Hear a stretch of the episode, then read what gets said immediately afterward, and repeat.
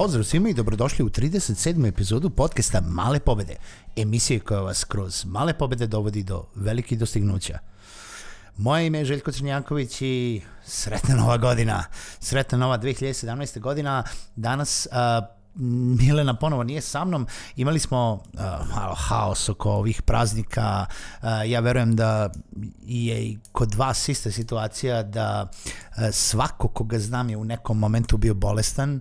Uh, kod mene je to zahvatilo celu porodicu odjednom, sve moje kolege i koleginice na neke druge ovaj, termine i nikako da se poklopimo oko bolesti božićnih, novogodišnjih praznika, pa sad ponovo božićnih, ali tu smo, uh, ja ne želim da propustim ovu nedelju da uh, prođe bez epizode, pa shodno tome uh, snimam ovu. Uh, želim da započnem ovu 2017. godinu Završili smo je onako razmišljajući pozitivno, razmišljajući o tome koliko treba da budete pozitivni, a sad uh, hoću da vas iskritikujemo, hoću da vas nateram da razmislite o tome uh, kako se ponašate. Hoću da razmislite o tome kako se ponašate prema drugim ljudima, pogotovo ukoliko ste u situaciji da ste neko ko je lider u poslu, neko ko je šef, neko ko je vođa tima, hoću da razmislite o tome kako se ponašate i kako se obhodite prema ljudima sa kojima radite, prema svojim saradnicima,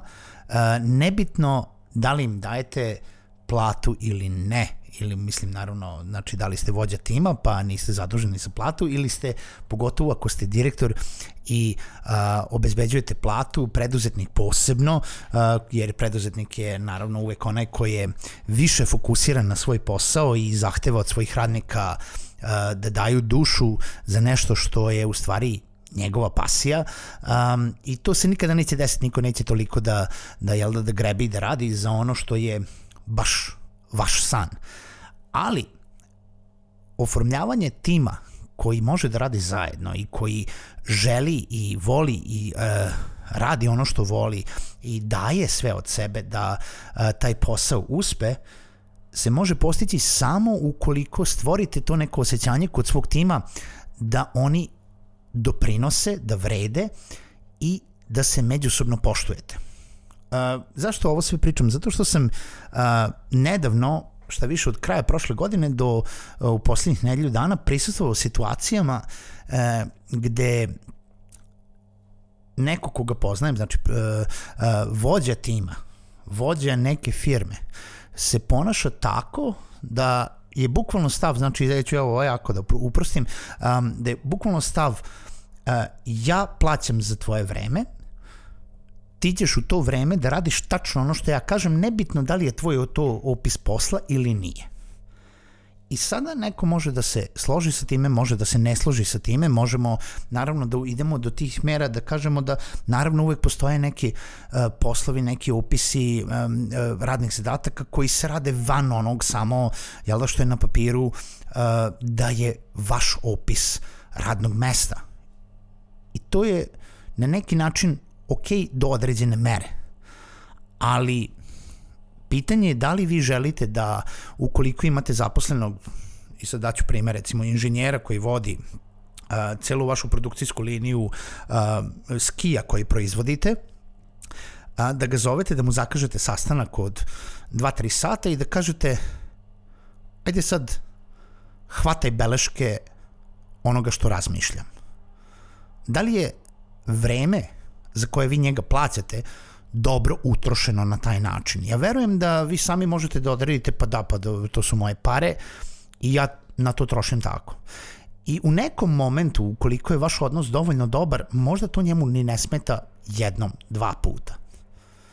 Ali je izuzetno loše i uh, izuzetno egoistično pomisliti da možete da se iživljavate na ljudima sa kojima sarađujete, da možete da očekujete od njih da rade stvari po nebitno koje ceni ste se dogovorili da radite, ukoliko, to jest da ih izrabljujete. To nije način da stvorite tim oko sebe koji će raditi nešto kvalitetno, koji će vući, grebati i uh, na, znači dati svoju dušu za ono da vaš posao uspe.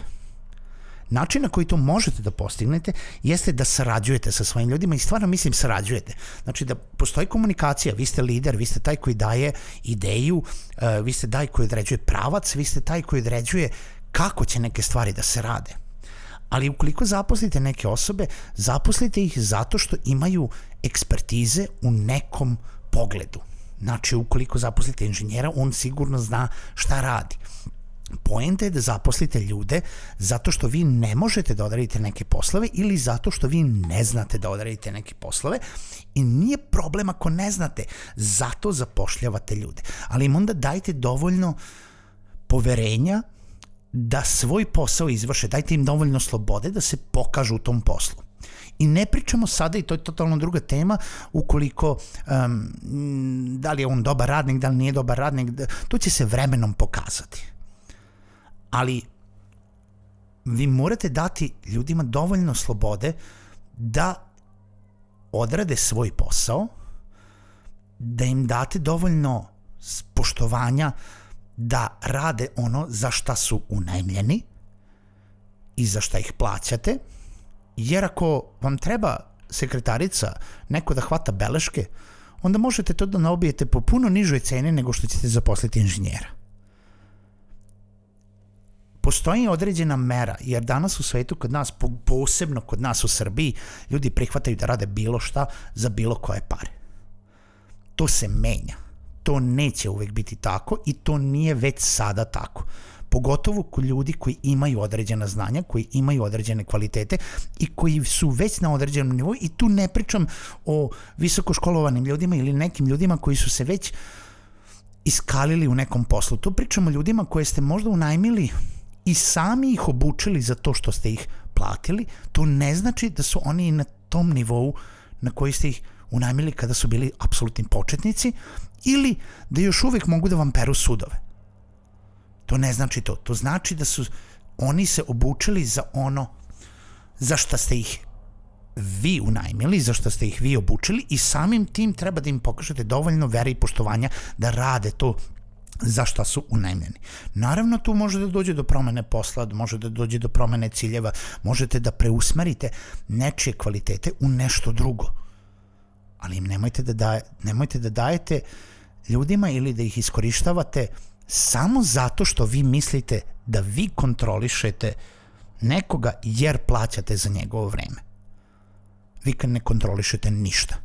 Na kraju doći će do toga da ćete izgubiti ceo tim ili da ćete konstantno menjati ljude, konstantno provoditi vreme obučavajući ih za ne znam nija šta, u krajnjoj liniji nećete imati tim, nećete imati posao i non stop ćete se vrteti u mestu, da ne kažem propašćete.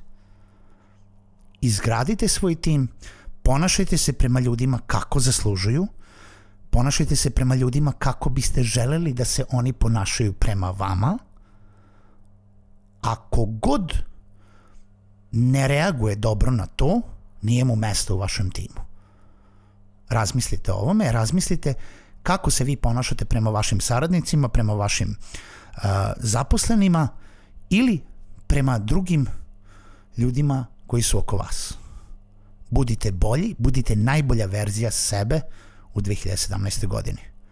Želim vam još jednom sretne praznike, sretnu novu godinu i predstojeći pravoslavni Božić. Do sledećeg slušanja,